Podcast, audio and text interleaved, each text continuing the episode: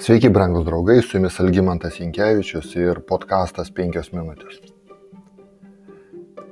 Sunaikinęs Jericho miestą, Jozuė pasiuntė žmonės išvalgyti kitą miestą, kurį reikės paimti. Tai buvo Aja į rytus nuo Betelio.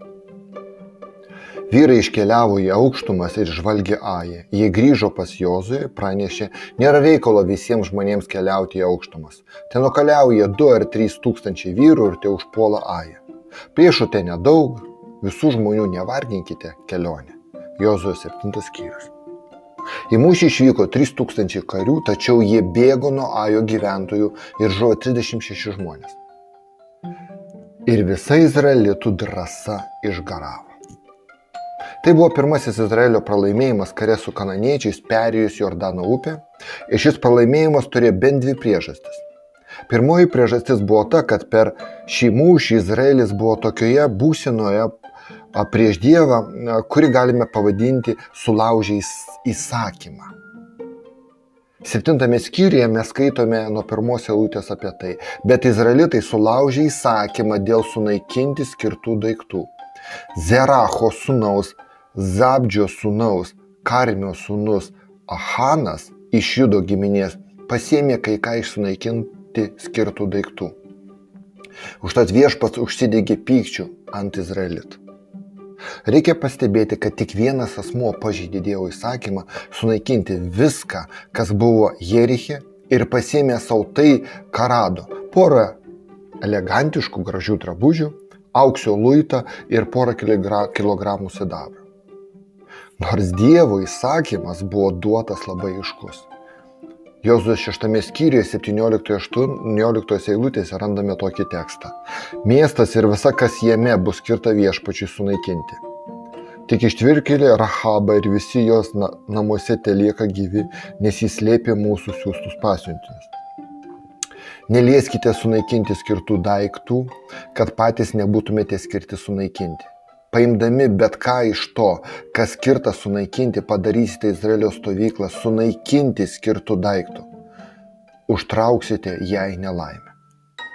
Ahanas, kaip ir kiti izraelitai, kurie nenusikalto, tai žinojo. Vis dėlto jis nusidėjo. Kodėl Dievas liepė iš viso viską sunaikinti? Jerichas buvo savotiškas šio kabutėse Dievo karo vaisius. Kunigų knygoje sakoma, jokia žmogaus nuosavybė, kurią jis įžadu, besąlygiškai pašvenčia viešpačiui, ar tai būtų žmogus, ar gyvulys, ar paveldėtos nuosavybės laukas, negali būti nei parduota, nei išpirkta. Kas įžadu besąlygiškai pašvesta, tas ypač šventa viešpačiui.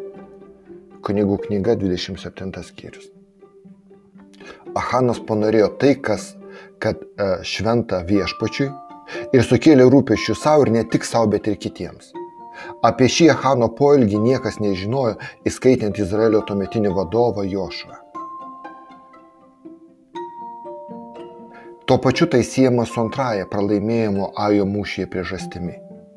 Jerichė izraelitai iškovojo nuostabią pergalę, kurią davė viešpats, tik todėl, kad gavę išsamius viešpaties nurodymus, jie tiksliai jų laikėsi. Ne vienas iš, iš izraelitų nežuvo šiame mūšyje. Viešpas asmeniškai nurodė Jozui, ką ir kaip reikia daryti ir viskas buvo taip daroma. Jozuo šeštas skyrius. Tačiau, kai skaitome istoriją apie Ajo miesto užpolimą, nematome Jozujas prašančio Dievo patarimų. Jis nurodo žmonės žvalgyti Ają, o tada jų klauso ir daro taip, kaip jie patarė. Užuot klausęs viešpaties, jis klauso žmonių. Brangus draugai, tai rimtas įspėjimas visiems, kurie yra vadovai arba taip vadinami lyderiai. Kartais žmogaus, gyve, žmogaus sėkmė gali atimti budrumą ir visiško priklausomybės nuo dieviškos išminties jausmą.